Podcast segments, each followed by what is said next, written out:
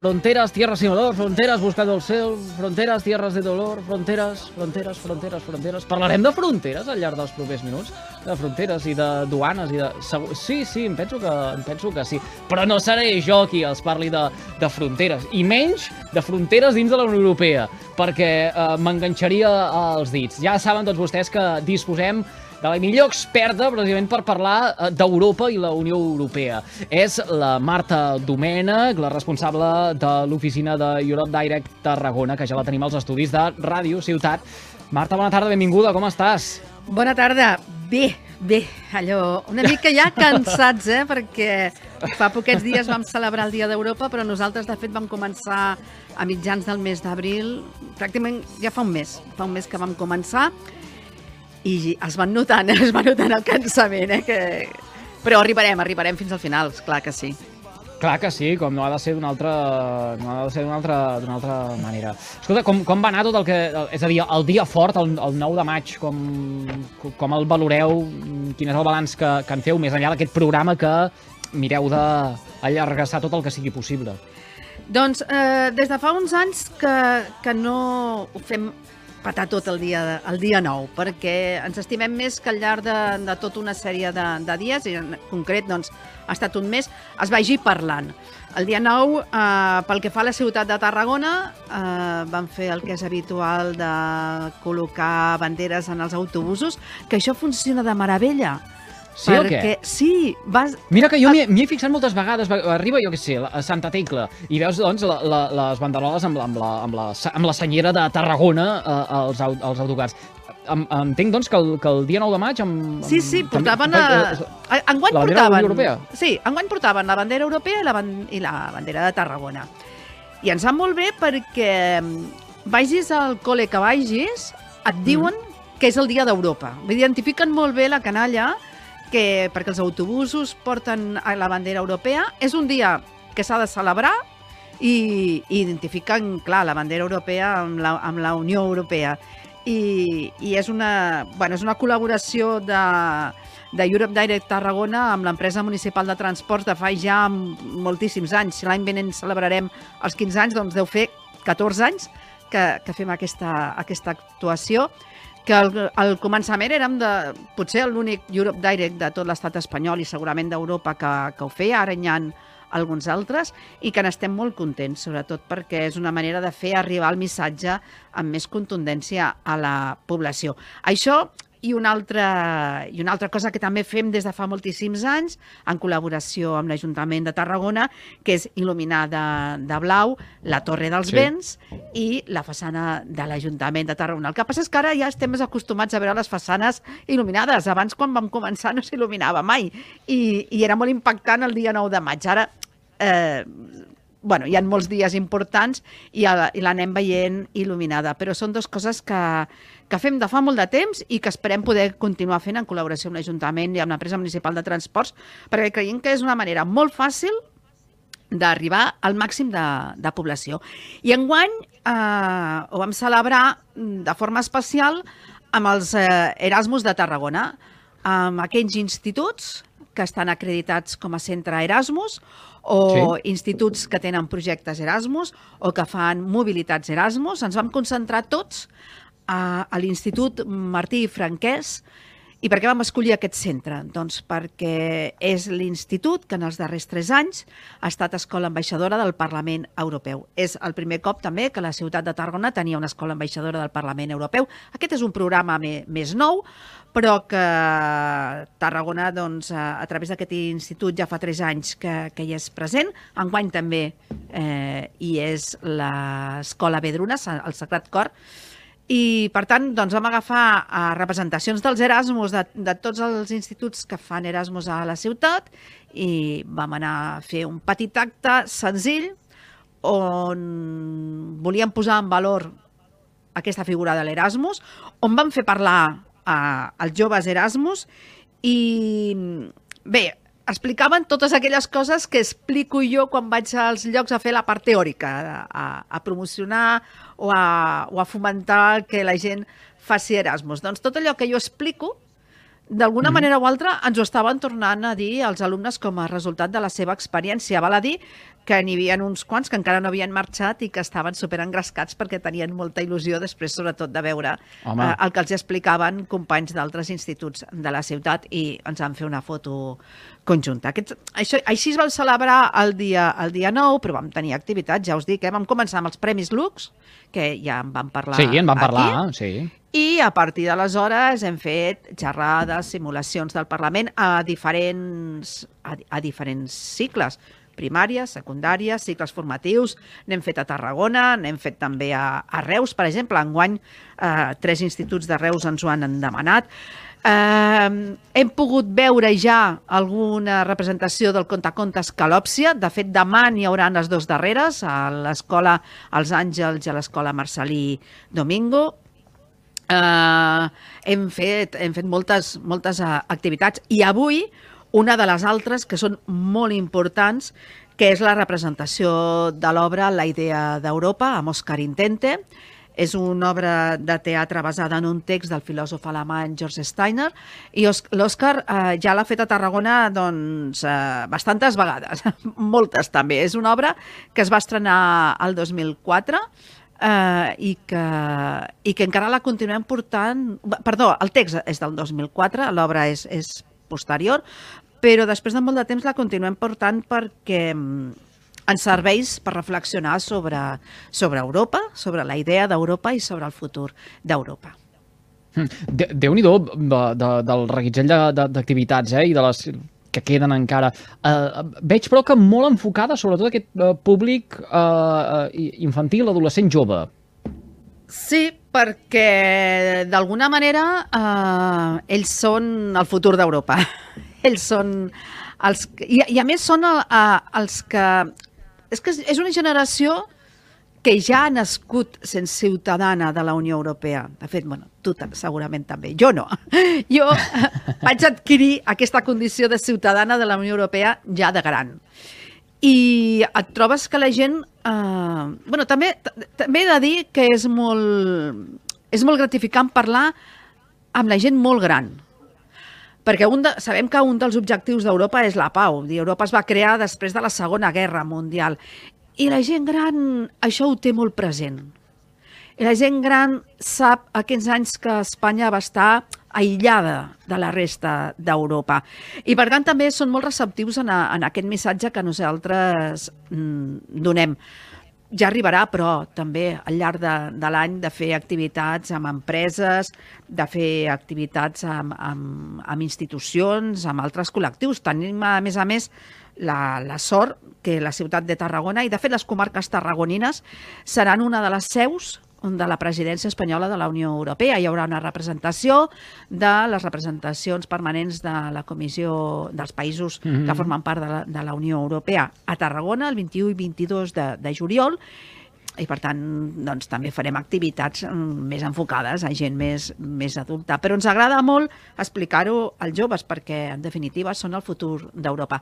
Els més petits perquè es vagin ambientant i els joves perquè els Europa els hi dona una gran oportunitat que és el programa Erasmus. Erasmus hem de recordar que no és només per als universitaris i per estudiar, sí, sí. sinó que Erasmus ens dona oportunitats de, de fer, eh, de tenir experiències de voluntariat, ens dona oportunitat de poder estudiar, de poder fer pràctiques laborals, de poder estudiar i treballar amb altres països de la Unió Europea. Per tant, ens interessa molt que tots aquests joves puguin aprofitar-se d'aquest programa que jo sempre els explico, eh? que no s'ho oblidin mai després de posar-ho en el seu currículum, perquè això és el que els farà diferents amb altres companys amb els que estan estudiant en aquests moments.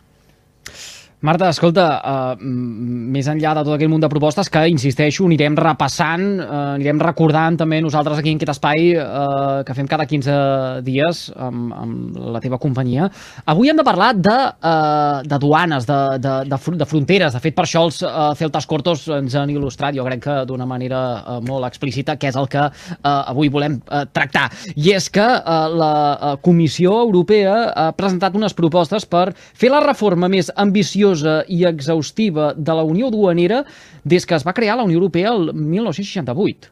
Sí, i amb uns objectius molt clars a la Unió Europea que a vegades a la gent, quan els hi dic, eh, sobretot a la gent de peu, amb la que no treballa habitualment amb la Unió Europea, els hi pot estranyar. Eh? El que es busca és fer, una, fer que, que tots els tràmits aduaners siguin més senzills. Busquem la senzillesa, no busquem complicar-ho més. De fet, eh, les administracions que tenim més properes nosaltres, ens ho posen molt difícil a vegades. Ens compliquen És a dir, ara estàs, estàs parlant canvi, dels ajuntaments, ara, ajuntaments, ja directe, directament. No, no, no, ajuntaments, Generalitat, Estat espanyol, eh, per exemple, a l'hora de demanar una subvenció, a l'hora de fer un tràmit, sempre sí, sí. és molt més complicat que amb institucions de la Unió Europea. Allí quin problema tenim? Una, una, una barrera important que a nosaltres eh, ens afecta bastant, que és l'idiomàtic. No, no estem en un lloc on la segona i tercera llengua, com poden ser, per exemple, l'anglès o el francès, l'alemany, eh, tothom el parli amb fluidesa. Per tant, és una barrera important la, Afortuna, afortunadament, però... Això està canviant. Cada cop hi ha més, sí, sí, hi ha, hi ha més gent que... Està canviant, que... però clar, està canviant amb, amb les edats més joves, no amb els que, que són més grans. I això és, això és una barrera que, que reconeixem que és important. Però els tràmits, els tràmits no són difícils. De fet, a mi m'és molt més senzill presentar un projecte i justificar-lo, tant tècnicament com econòmicament, a la Unió Europea, que no en qualsevol administració de les que tinc més properes. Per tant, un dels objectius que té aquesta reforma duanera és fer-la eh, més senzilla, més intel·ligent i més segura, que en definitiva, si ens en donem compte, són tres coses que jo he anat repetint eh, al llarg de tots aquests mesos. I faltaria la digital, eh? però la digital entraria en fer-la més senzilla i més, més intel·ligent i segura, també. Però sempre he parlat de la, de la necessitat de fer un avanç digital important eh, en la nostra societat i, des de, i això és el que s'està treballant des de les institucions europees, especialment des de la Comissió Europea.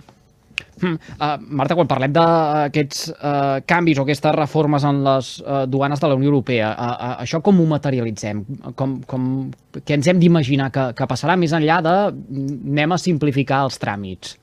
Uh, bé, el, el, el que es crearà, eh, la intenció és que es creï un centre de dades duaneres de la Unió Europea que el que, el que farà precisament és uh, aconseguir tots aquests objectius que, que ho deia. Això és un dels objectius que marcava la presidenta Ursula von der Leyen en la seva presa de possessió al 2019, quan va ser nomenada presidenta de la Comissió Europea, i, i en què moment ja parlava ella d'aquest centre de dades duaners de la Unió Europea, que el que voldrà, voldrà és recopilar totes les dades facilitades per les empreses i que a través de la intel·ligència artificial i també de la intervenció de les persones, evidentment, proporcioni a les autoritats una visió més clara i més, i més, eh, bueno, sí, més clara, més transparent de, de tot el, el procediment de les cadenes de subministrament dels diferents mercaderies que circulen per dins de la Unió Europea.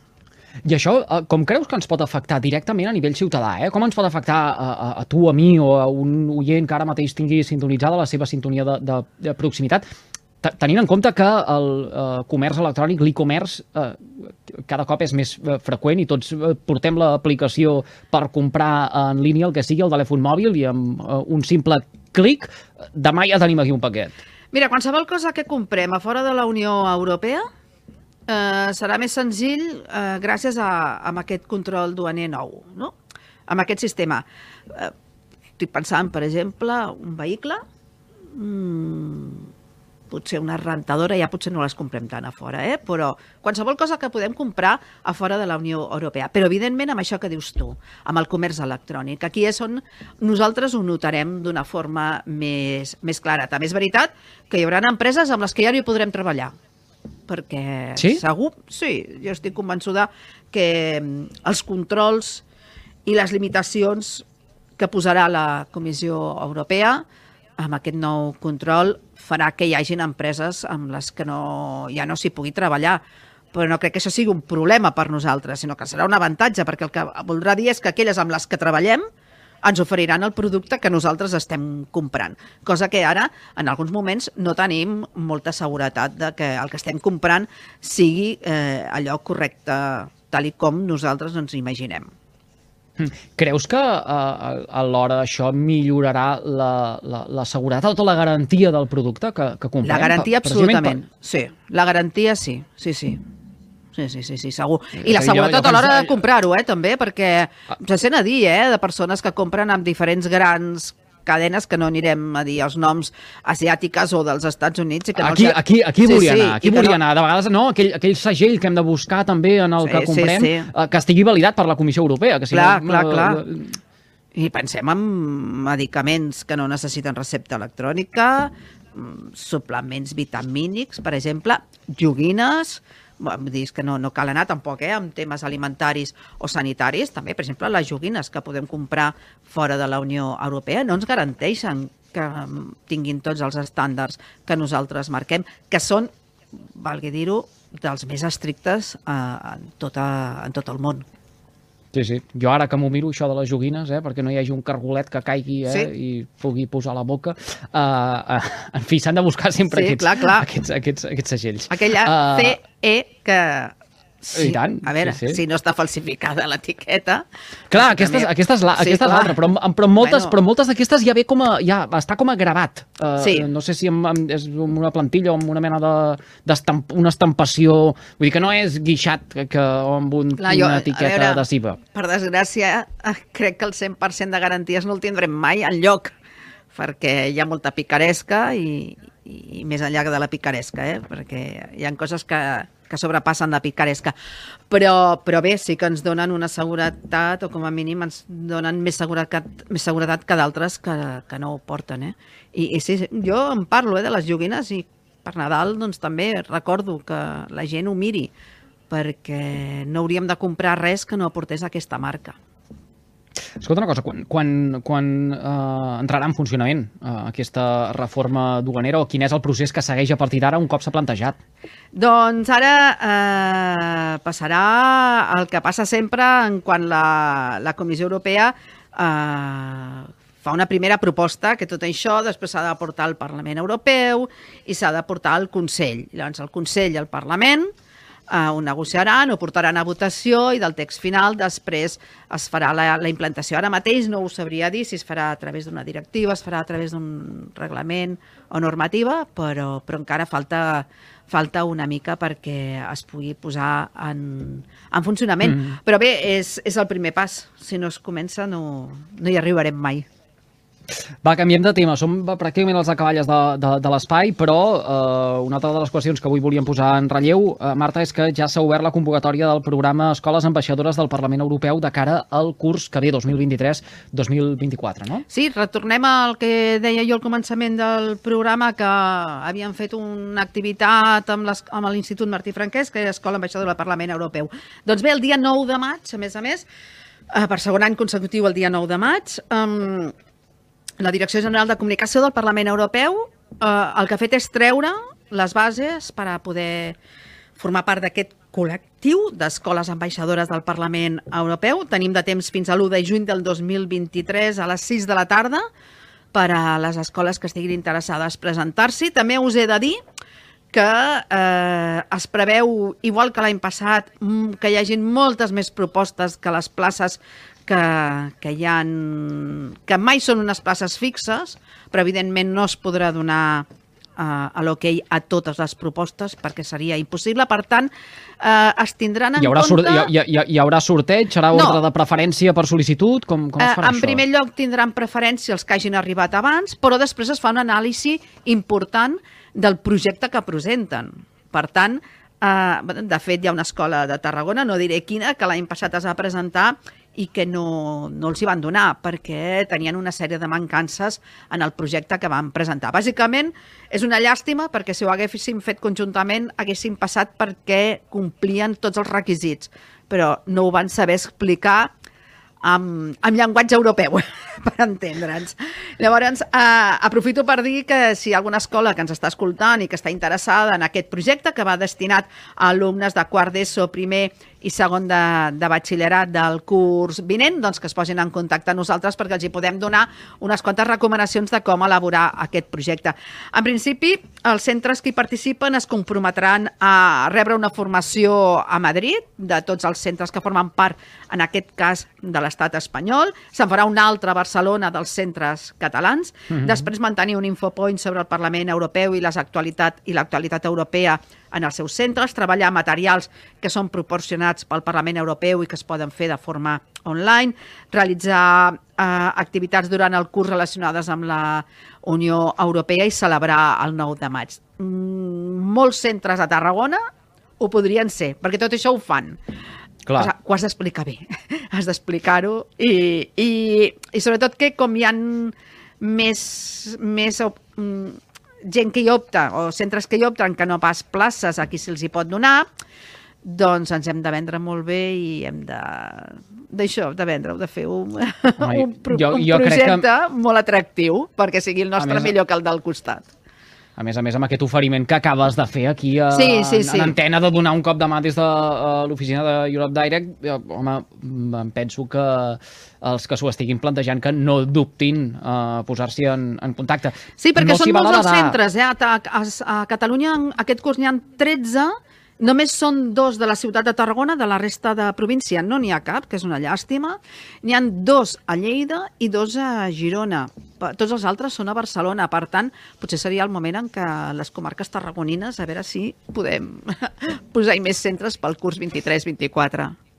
I el que dèiem, eh, uh, no la uh, perquè uh, la data límit és uh, l'1 de juny uh, d'enguany per presentar aquestes uh, sol·licituds o fer aquestes uh, inscripcions. I no queda tant, ho diem moltes vegades, els catalans tenim una manera de fer de sempre esperar últimament tota corre cuita. Segur que uh, tot i diu això no canviarà res, però els que tinguin intenció de fer-ho, home, doncs no cal allò esperar eh, que siguin les 5 de la tarda de l'1 de juny perquè després hi haurà qualsevol incidència en el programa informàtic i s'anirà tot a fer punyetes. Sí, perquè a més a eh, més en aquesta ocasió, cosa que no s'ha no fet en les altres convocatòries, es diu que es donarà prioritat a les sol·licituds que es presentin abans en el temps. No Quedat claríssim. Marta, com sempre, un uh, plaer poder conversar amb tu i, a més a més, aprendre tant eh, de la Unió Europea, perquè tots som Unió Europea, això ho vam aprendre el primer dia que ens vas visitar, però uh, uh, no tots uh, ens creiem aquesta idea. Per tant, convenen molt aquest tipus d'espais, així que t'agraïm moltíssim que ens hagis fet confiança aquesta temporada i que cada 15 dies passis pels nostres estudis. Molt agraïda. Gràcies. Que vagi molt bé. A Adéu, bona tarda.